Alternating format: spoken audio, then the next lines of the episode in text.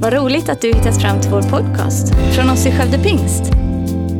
Vår bön är att den ska hjälpa dig förstå mer om vem Gud är, bygga din relation med honom och ge praktiska verktyg för ditt liv. Okej, ni som ska gå konfa nu, ni är födda 07. Och min farfar, han är född 1925. Okej, tänker ni vad har det med det att göra? Nej men jag vill bara säga att han är gammal. Han är 96 år gammal. Han är en riktig krutgubbe och ska du bjuda honom på någonting så ska du bjuda på änglamat. Och då tänker ni vad är änglamat? Vispad grädde, skorpsmulor och lingonsylt i en röra. Eh, han har också de största händerna jag någonsin sett. Han har jobbat hela sitt liv och hans händer är typ dubbelt så stora som mina. Eh, när jag gick i åttan, alltså samma ålder som ni går nu, ni som ska, som ska gå konfa, då fick jag skaffa en iPhone. Nu liksom får barn det när de är typ eh, åtta, nej jag skojar, kanske tidigare ändå, jag vet inte. Men jag kommer ihåg att alla hade ju iPhones och alla var ju helt bara gick så här. Och jag kommer ihåg att farfar, han har åkt mycket buss in till stan. Eh, och han gjorde då en observation av att alla nu då har sådana här smartphones och går runt.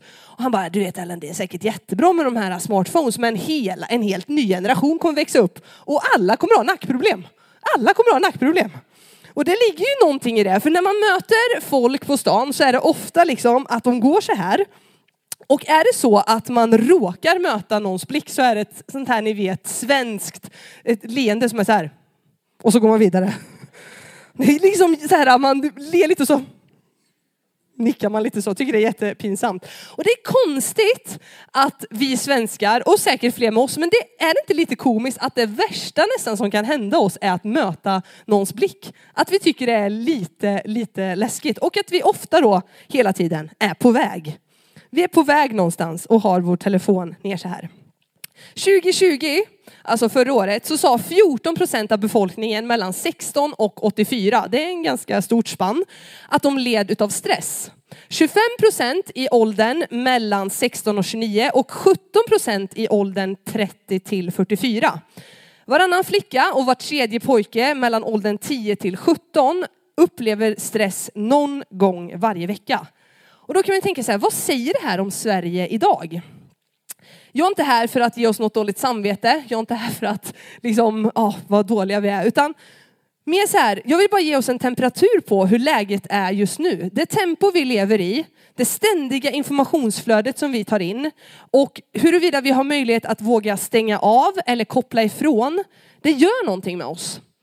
Och jag vet inte hur det är med er, men för mig är det ett val att välja att vara närvarande. Att vara i den stunden som jag är just nu. Eh, se människor och möta deras behov. Det är inte alltid någonting som kommer naturligt för mig, men när jag gör det så vet jag att det absolut är det bästa valet som jag kan göra. Att inte vara i nästa möte, nästa dag eller vara någon annanstans. Utan att vara i den stunden som jag är just nu och njuta av det fullt ut. Det gör någonting med mig.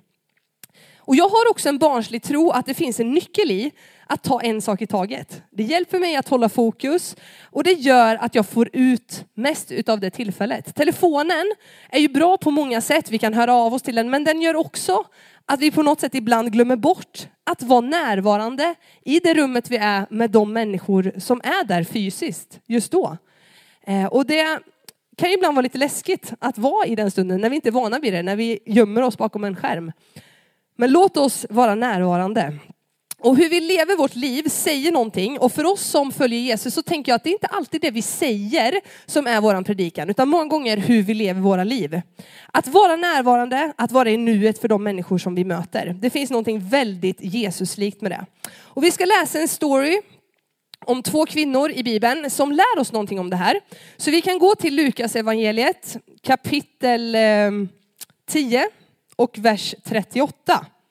Och nu har ni slått in era biblar så fint då, men eh, om ni vågar öppna dem så är det på sida 801. Har ni en sån här smal bibel så är det 801. Och alla konfirmander har en sån. Eh, och då ska vi då läsa om Marta och Maria. De här två eh, kvinnorna är systrar, de har en bror som heter Lazarus och alltid, eller oftast när Jesus var eh, runt Jerusalem så brukade han besöka dem för att de bodde tre kilometer utanför Jerusalem i en stad som heter Betania. Och vi ska nu läsa om när Jesus kommer hem till dem. Och vi hoppar rätt in i berättelsen. Vers 38, Lukas 10, 38. Medan de var på väg kom Jesus in i en by och en kvinna som hette Marta tog emot honom i sitt hem. Hon hade en syster, Maria, som satt sig vid Herrens fötter och lyssnade till hans ord. Marta däremot var upptagen med alla förberedelser och hon kom fram och sa, Herre, bryr du dig inte om att min syster har lämnat mig att sköta allting själv? Säg nu till henne att hon hjälper mig. Herren svarade henne, Marta, Marta, du bekymrar dig och oroar dig för så mycket. Men bara ett är nödvändigt. Maria har valt den goda delen och den ska inte tas ifrån henne. Okej, vi har en story här. Jesus kommer in i ett hem. Han kommer hem till två systrar. Och de agerar lite olika när Jesus kommer. Den ena, nu måste jag tänka så jag säger det, Maria. Det är väldigt confusing med två på M. Maria, hon sätter sig ner och lyssnar. Vad har Jesus att säga till mig? Och lyssnar verkligen så här, äh, väldigt mycket eftersom att hon glömmer bort allt annat som är runt omkring. Marta däremot, hon springer runt och hon fixar och lägger till rätta allt som ska göras för nu är Jesus på besök. Och då är det bäst att allt är perfekt. Och jag vet inte om den här är någon biblisk grej att småsyskon då, man tror att Maria var den yngre, att de är lite latare. Jag vet inte om det är någon biblisk grej med det men det är så lite i vårt hem i alla fall. Jag skojar. Nej men så här då, Marta hon, du vet, hon var så stressad så hon till och med, Jesus stod ju där och undervisade. Han stod där, Maria sitter och lyssnar och då så står det liksom när hon går fram då och säger Herre, Herre, då avbryter hon mitt i undervisningen och bara säger hallå, tycker du inte att jag borde få lite hjälp här? Jag går runt här alldeles själv. Och det är så Eh, att i den här tiden så tänkte man att kvinnorna de skulle liksom stå för hushållet, att de skulle vara värdar när det kom folk hem och att männen skulle lyssna till undervisningen. Så det var säkert fler med Marta som tyckte att det Maria gjorde var lite konstigt. Att hon satte sig och bara lyssnade och glömde bort att göra en bra plats för Jesus när han kom. Och det är någonting i den här berättelsen som Jesus ändå vill betona. Jesus han menar att lärjungaskapet först och främst handlar om att sitta vid Jesu fötter och lyssna in. Vad är det du vill säga Jesus? Vad är det du har att säga? Maria hon vågar vara närvarande. Hon inser att det viktigaste här och nu, i just den här stunden när Jesus har kommit hem till oss, det är inte att fixa med allt annat, utan det är att sitta ner och lyssna. Vad har liksom Jesus att berätta för mig? Eh, men Marta, hon stressar runt. Hon tänker på allt som måste göras och hon missar stunden med Jesus. Hon missar det som Jesus vill berätta för henne. Och jag känner igen mig så i Marta. Många gånger när jag ska ta min personliga stund med Jesus så kan det vara så att jag tänker på allt annat som ska göras. Eller när jag är i kyrkan eller när man, du vet, man har sin stund med Jesus men sen kommer andra grejer emellan. Men låt oss vara mer som Maria som vågar lägga undan alla måsten när vi är tillsammans med Jesus. Det är väldigt lite som vi egentligen måste göra exakt i den stunden när vi är tillsammans med Jesus. Eh, och det, låt oss ta varje tillfälle som Jesus, umgås med honom och låt de stunderna få bli på allvar och låt dig få förvandlas i den stunden tillsammans när du sitter vid Jesu fötter och lyssnar på vad han vill säga. Alla vi här inne har ett val att välja. Vill vi vara som Marta eller vill vi vara som Maria när, Jesus, när vi får en chans att umgås med Jesus? Och hur vi väljer att vara kommer att göra skillnad i vårt liv. Men också hur vi är när det kommer andra människor hem till oss. När det kommer andra människor som kanske behöver hjälp. Hur väljer vi att vara i mötet med dem? Tänker vi på allt annat vi behöver fixa? Eller kan vi faktiskt ta en stund och möta människor, möta deras blick? Eh, och det står här i det här ordet också att det att hon hade valt den goda delen. Frågan är ju då om vi vill välja den goda delen för våra liv, våga vara närvarande, eller om vi vill bekymra oss, oroa oss och springa runt och göra allt det andra som vi tror att vi måste göra, men som vi kanske inte behöver. Så jag skulle vilja uppmuntra oss idag att låta oss vara närvarande och välja den goda delen. Och det är det som är rubriken på min rubri, predikan. Den goda delen. Om man läser i lite andra översättningar så står det också om den goda delen att det som är bäst, det som är bättre, det som är nödvändigt. Är det inte befriande att Jesus säger att han har det som är bäst? Många gånger så letar jag i alla fall efter den bästa lösningen. Eh, om man ska göra någonting, man ska lägga ett golv till exempel i en lägenhet, som jag ska göra, då ringer jag till han som jag tänker vet det bäst, Erik Rosenberg. För att jag vill veta, hur ska jag göra det här? Hur är det jag ska fixa i den här äh, skarven här och greja och greja? Och jag tänker att Jesus han säger här att han har det som är bäst för oss. Han vet. Eh, och då tänker jag att vi ska vara ödmjuka i att våga vilja lära oss mer, att lyssna och ha en större tro på att det Jesus har för oss, det är det bästa. Men hur kan vi då få se mer av den här goda delen i våra liv? Eh, för vad lär Marta och Maria oss egentligen? Det här hände för 2000 år sedan, men ändå så är det ju så att det fanns sysslor att göra.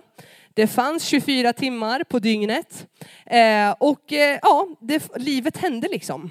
Och det här verkade stressa Marta, men inte Maria. Och jag tänker att om vi bara läser lite runt det här besöket som Jesus gjorde hos Marta och Maria för att se vad är den här berättelsen i för sammanhang? Och hur kan vi då se hur vi kan få mer av den goda delen i våra liv? Så ska vi få läsa innan Jesus är hos Marta och Maria så kommer vi se en berättelse och då är det i, eh, i verserna 25. Och då tänker jag att det kan få lära oss att stanna upp. För innan Jesus kommer hem till Marta och Maria så möter Jesus en laglärd man. Han hade koll på grejerna och han ville pröva Jesus i vad han kunde och vad han inte kunde. De börjar samtala om så här, ja, men hur ska man få evigt liv? Jo, men det handlar ju om att man ska älska eh, Herren då, utav hela sitt hjärta, hela sin själ och sitt förstånd, men också sin nästa som sig själv. Och de börjar prata om hur det här då, ja men det här är någonting man ska göra, men hur kan det få bli en, få en praxis i sitt liv?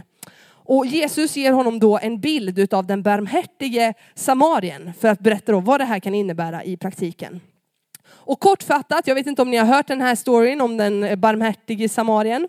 Men det handlar om en, en man som är på väg från Jerusalem och han går till Jeriko. Och på vägen där så blir han eh, nedslagen utav några män som tar allt vad han har, de tar hans pengar och lämnar honom halvdöd på vägen där.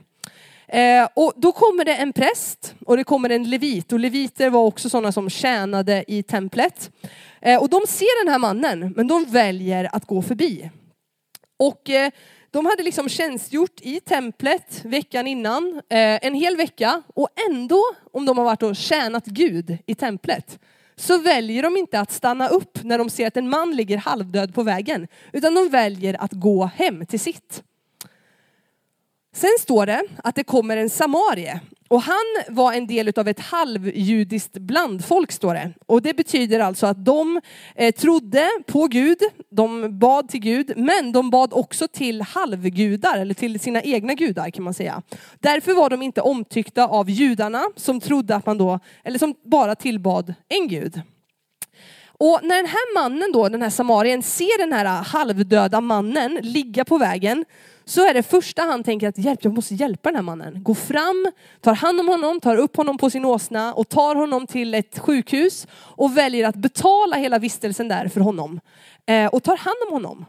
Och den här mannens story visar så tydligt att när vi älskar Gud, när vi förstår hans kärlek så älskar vi också andra människor. Vad hjälper det om vi har fina titlar? Vad hjälper det om vårt liv ser bra ut som för prästen och leviten? Men om vi inte har ett hjärta för andra människor, då tänker jag att vår tro ekar väldigt tom. Så det som den här berättelsen lär oss är att om vi lever vårt liv med lite marginaler, om vi har plats för andra människor, om vi inte alltid är på språng, så tror jag att det kan få göra skillnad för andra människor. Eh, och när jag har plats för andra människor, när jag har tid för andra människor, så gör det någonting med mig. det står, eller Craig, jag kan inte ens säga hans namn, Craig Growey Shell, en pastor i alla fall. Han har sagt en så här grej som jag tycker är väldigt bra. Att If we follow an unrushed Jesus, we should be living an unrushed life. Alltså om vi följer en ostressad Jesus så borde vi leva ett ostressat liv, eller ett, ja, typ så. Jesus, han utförde otroligt mycket verk när han gick från plats till plats. Han gjorde det också på varje plats där han kom, men han gjorde det också på vägen däremellan. Och vi läser mycket saker om Jesus, att han var mycket och att han gjorde mycket, men vi läser inte att han sprang och vi läser inte heller att han var stressad. Och det här tycker jag säger någonting om, om vem Jesus är. Och förstå mig rätt, vi kommer alltid ha perioder i våra liv då vi kanske inte alltid hinner allt det där som vi liksom vill eller önskar och dåligt samvete kommer inte ta oss någonstans. Men det jag vill säga är att Jesus kan få lära oss någonting. Att leva mindre stressat och med mer omsorg. Och att vi kan verkligen få påminnas om det, att vi kanske inte kan förändra världen, hela världen, för alla människor.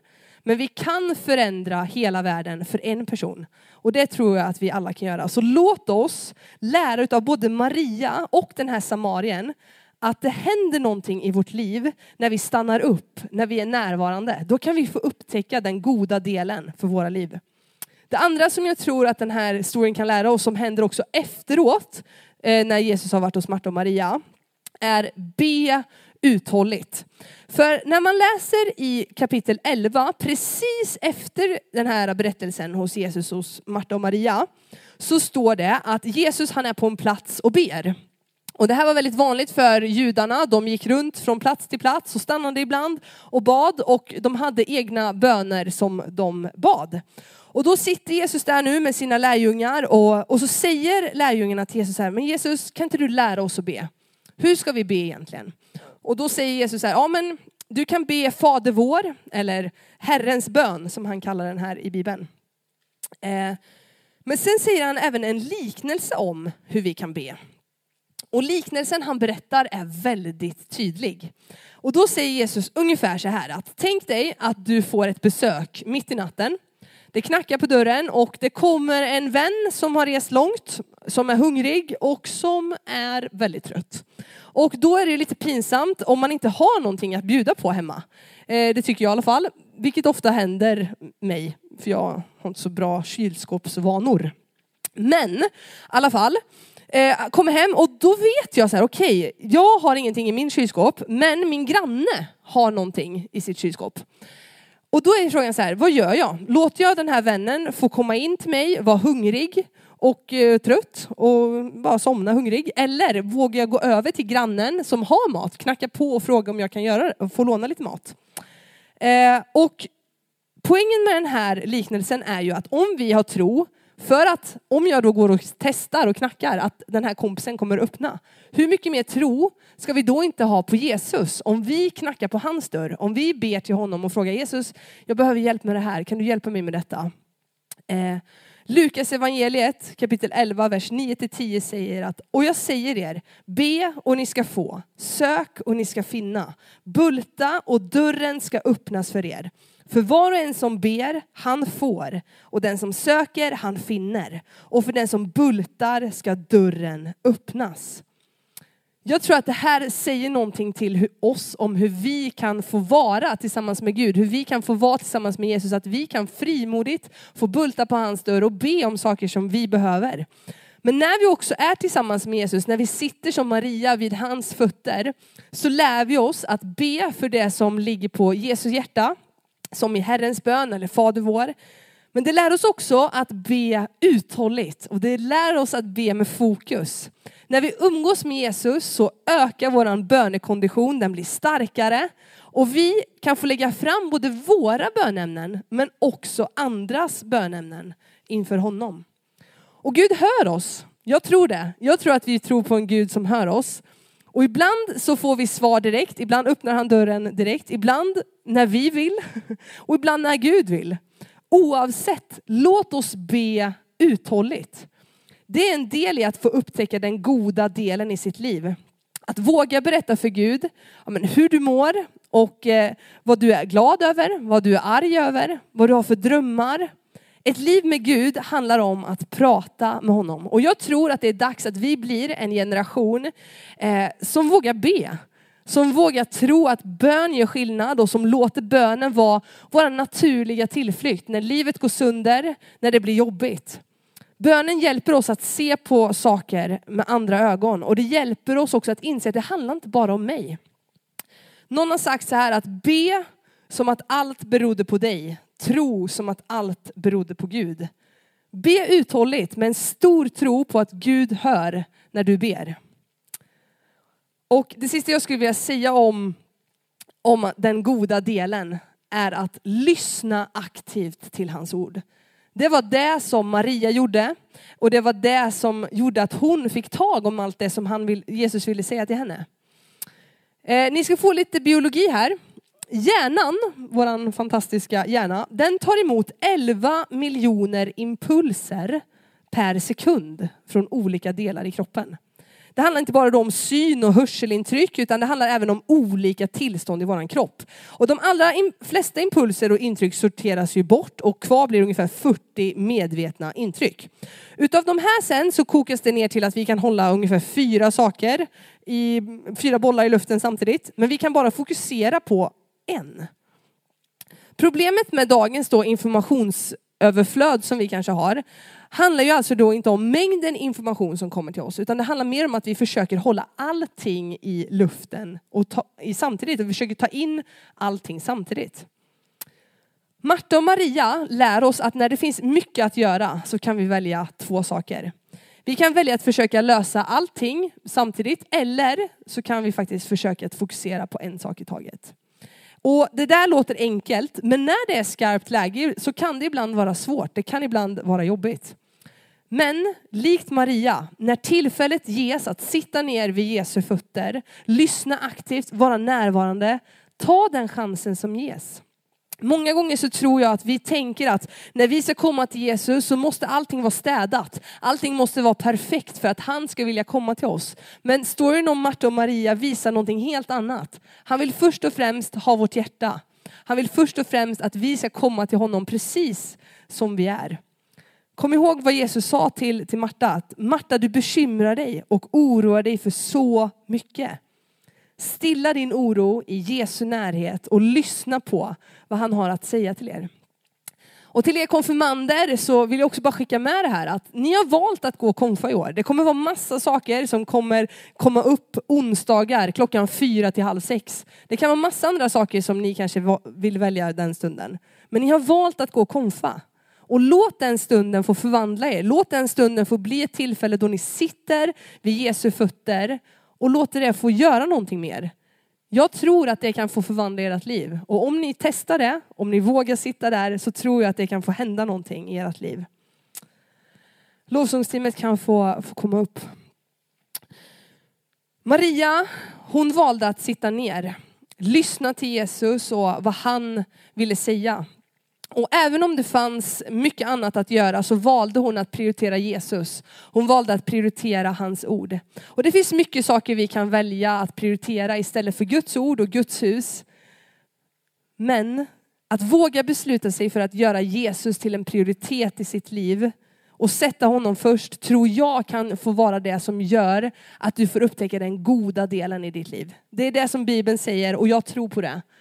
Ehm, och våga besluta dig för det. Att det bästa, det som ger syfte och mening till allt det andra i livet är att faktiskt börja hos Jesus, att börja och sitta vid hans fötter. I stunden med Jesus så förstår vi vilka vi är.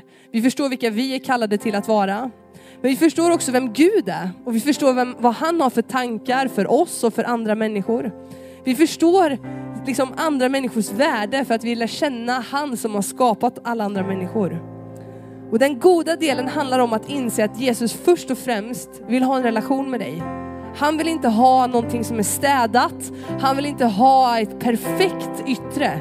Han vill ha dig. Han vill ha ditt hjärta. Och han vill att du sitter ner. Att du sätter dig ner när han kommer hem till dig.